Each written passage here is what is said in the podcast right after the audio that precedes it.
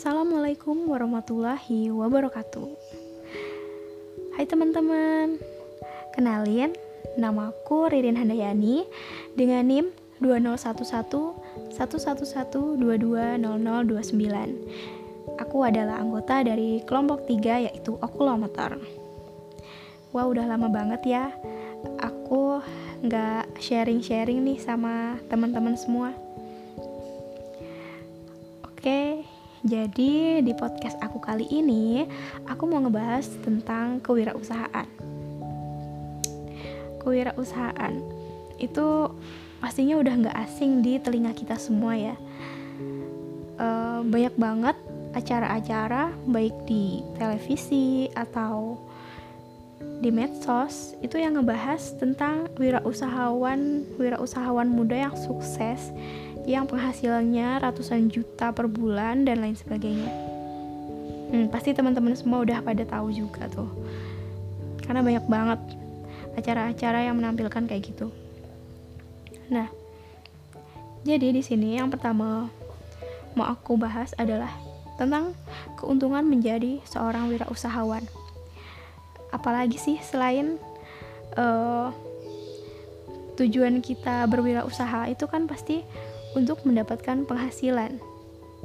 Nah, dengan kita bisa menghasilkan uh, sesuatu, kita ada pemasukan, kita ada pendapatan, itu akan membuat kita menjadi seseorang yang mandiri secara finansial tuh teman-teman. Jadi uh, minimal ketika kita berwirausaha, entah kecil-kecilan, entah baru pemula, paling enggak uh, itu kan nanti akan ada pendapatan tuh ya. Nah, kita bisa menjadi lebih mandiri secara finansial kita. Atau uh, singkatnya uang jajan kita bertambah lah ya. Nah, uh, banyak banget yang akan berpikir pasti uh, pasti gini. Kita kan kuliah, kita sibuk banget sama tugas-tugas kuliah kita kita tiap hari punya jadwal yang padat dan lain sebagainya. Gimana caranya berwirausaha? Nah, jadi uh, seperti yang pernah dibilang oleh Dr. Gigi Nina Agustin, untuk mendapatkan sesuatu yang lebih, kita harus berbuat lebih, teman-teman.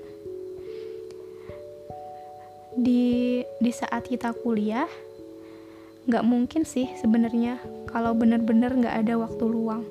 Pasti ada aja entah beberapa jam kita punya waktu luang tuh. Di mana uh, waktu luang itu nanti bisa digunakan buat merintis usaha. Pokoknya selama selama kita punya kemauan pasti di situ ada jalan ya nggak sih? Nah kita juga uh, harus rela untuk begadang dan mengorbankan hari-hari libur buat ngurusin usaha. Kalau emang kita mau mendapatkan kesuksesan itu sendiri. Ya pokoknya ya seperti yang dibilang dokter gigi Nina tadi, kita harus berani untuk berbuat lebih untuk mendapatkan sesuatu yang lebih. Tapi kebayang gak sih teman-teman, setelah usaha kita yang kita lakukan ini nanti, di ujung sana ada sebuah pelangi. Ini bukan pelangi beneran ya, maksudnya di mana di ujung sana kita menemukan kesuksesan yang selama ini kita usahain. Di mana apa yang kita usahain itu benar-benar gak sia-sia. Dan bahkan kita berterima kasih sama diri kita sendiri suatu saat. Karena kita udah berusaha untuk mencapainya. Nah jadi itu adalah uh, tentang kewirausahaan dari aku. Pastinya semua itu tergantung dari kita. Kalau kita berusaha kalau kita mau bersungguh-sungguh dalam melakukan sesuatu kalau kita nggak pernah menyerah pasti ada aja jalan yang bakal kita temuin untuk menuju yang namanya kesuksesan. Seperti wirausaha ini ya kita harus berani untuk berusaha. Mencari peluang membaca kesempatan. Tapi yakin ya teman-teman. Kalau menjadi seorang wirausahawan itu nggak akan pernah ada ruginya. Oke, aku rasa cukup sampai di sini podcast dari aku.